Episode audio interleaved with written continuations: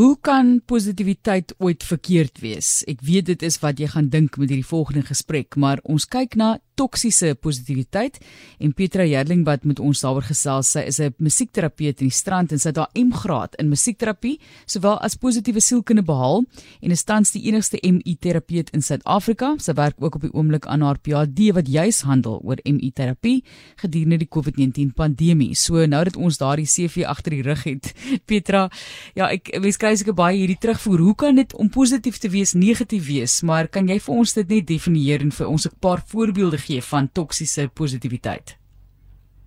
Hallo Martelies. Ja, baie baie dankie vir die geleentheid. Dit is 'n moeilike ene en ek moet sê dit is ook 'n kritiek op positiewe sielkunde as tulks, maar ons sal daarby kom. Ehm um, toksies beteken tog giftig. Met ander woorde, dis nie goed vir ons nie. So toksiese positiwiteit is gewoonlik ander mense en soms ook ons eie reaksie op ons negatiewe emosies wat nie daai negatiewe emosie wil erken of begryp of empaties daaroor is nie. So kortom is dit daai ruk jou reg, dis nie so erg in die reaksie en meestal is dit maar 'n geval van 'n persoon ehm um, wat homself of haarself nie in jou skoene kan plaas nie of nie kan nie uh, of nie wil nie. Jy weet, uh, dis daai halfvol half leeg glas en hierdie ou sien net die halfvol. Hy sien glad nie die half leeg nie. En ehm um, ons weet tog hoe belangrik dit is om erkenning te kry vir enige iets ook vir ons negatiewe emosies. Um, 'n een eenvoudige voorbeeld is byvoorbeeld iemand wat verskriklik lugsiek raak en nou moet hy vlieg iewers heen vir sy werk. En die persoon met wie hy gesels is mal oor vlieg en nou omtrent elke maand oor sy vakansie. Dus ek nou vir hom sê, ek is ek sien op na hierdie vlug. Sal hy baie maklik sy eie positiewe ervarings vervang en my laat sleg voel oor ek nie wil vlieg nie. Hy sien dis net sy eie lekker en hy ignoreer my negatiewe emosie op grond van sy eie kom ons noem dit maar in aanhalingstekens onkunde. Nou dis 'n eenvoudige voorbeeld, maar baie ernstige goed kan ook byvoorbeeld gebeur wat selfs lei tot trauma en terapie. So is iemand wat deur 'n miskraam moet werk. 'n Onsimpatieke persoon gaan hom probeer oortuig of haar dat dit is beter so, dit gebeur baie, daar's 'n doel daarmee. Jy sal weer swanger raak, jy weet al daai positiewe goed.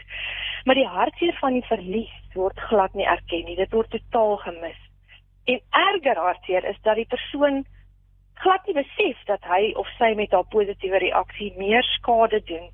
Um en eh, as goed nie en dit is waar die giftigheid dan nou inkom van daai positiwiteit. So hoe maak 'n mens, jy weet dit is is daai persoon regtig besig. Hulle dink nie hulle doen iets verkeerd nie, jy weet of ek dink nie hulle is dis nie met opset dat 'n persoon jou probeer beseer noodwendig deur positief te wees wanneer hulle eintlik empatie moet toon met jou nie. So hoe maak 'n mens daar? Wat is die oplossing vir toksiese positiwiteit? Ja, dit is moeilik om 'n oplossing. Ek dink nie daar's 'n kit oplossing nie want dit is maar party mense se manier van um, koop wil ek amper sê om om die om nie die negatiewe te wil raak sien nie. Maar die antwoord lê amperkies in die vraag van hulle verstaan nie. Jy weet hulle verstaan nie. Hulle wil nie erkenning gee aan daai negativiteit nie en meeste van die tyd bedoel hulle dit goed en hulle wil jou laat beter voel. Maar omdat daar nou 'n tekort aan begrip is, weet hulle nie hulle vererger of vergiftig eintlik nou die situasie nie uh, daai ding van ignorance is bliss, jy weet. um as ek verstaan en bewus raak van die feit dat hulle nie verstaan nie, dan kan ek um my eie sterk kwaliteite gebruik om dit 'n teenvoeter daarvoor te vind. En dit is waaroor positiewe sielkunde gaan. Positiewe sielkunde is glad nie hierdie smiley face, jy weet glimlag gesiggie masker nie. Inteendeel, ons um ons wil uh die negatiewe emosie aanspreek deur gebruik te maak van positiewe gereedskap. Jy weet, so dit gaan om daai masker af te haal en gebruik wat ek het om daai seer en ongelukkigheid te ontmasker met my positiewe fokus. 'n uh, Belangrike aspek is natuurlik bewustheid. Jy weet, die Engels is awareness om ons bewus te maak van ons gevoelens en van ons eie kwaliteite wat ons kan help om met daai gevoelens um te deel uh, ons kan hierdie aandag by gister se gesprek oor die negatiewe selfgeloof, jy weet. Um, hoe werk dit? As ek byvoorbeeld vir jou vra om vyf negatiewe kwaliteite van jouself te noem, gaan dit baie gou gebeur. Maar as ek vir jou vra om vyf positiewe kwaliteite te noem, gaan jy hard moet dink. En dit kom van daai kleintyd ding af van ons, jy weet, ons word uh, geïndoktrineer is vertel ons is nie heeltemal goed genoeg nie.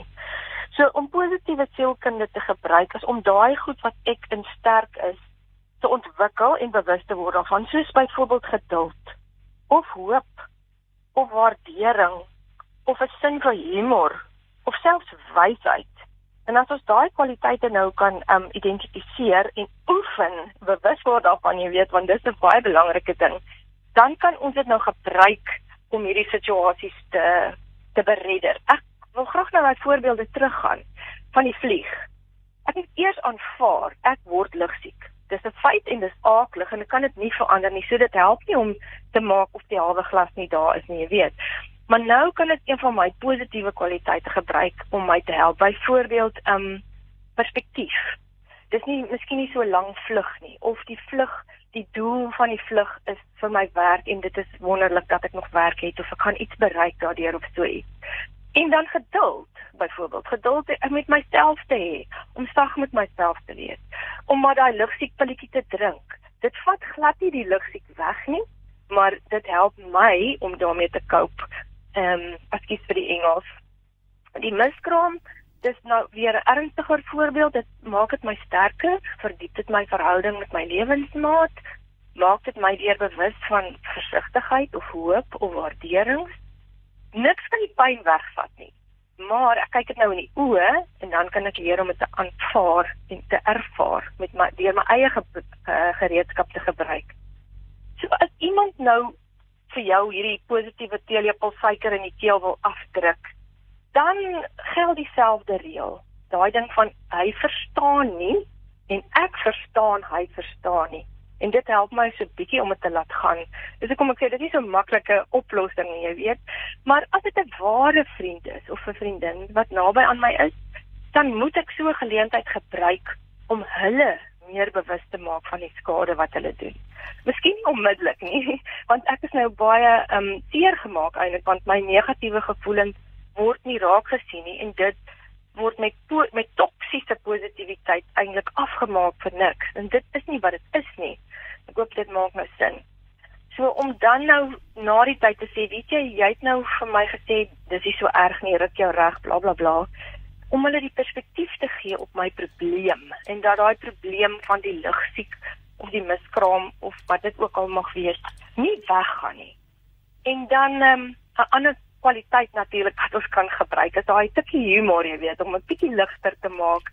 Ehm um, in elke geleentheid sal daar 'n ander tipe oplossing kom.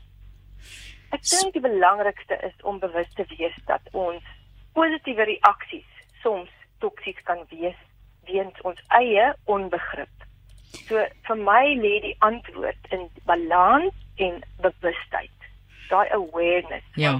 Hierdie gaan nie oor my nie, dit gaan oor jou.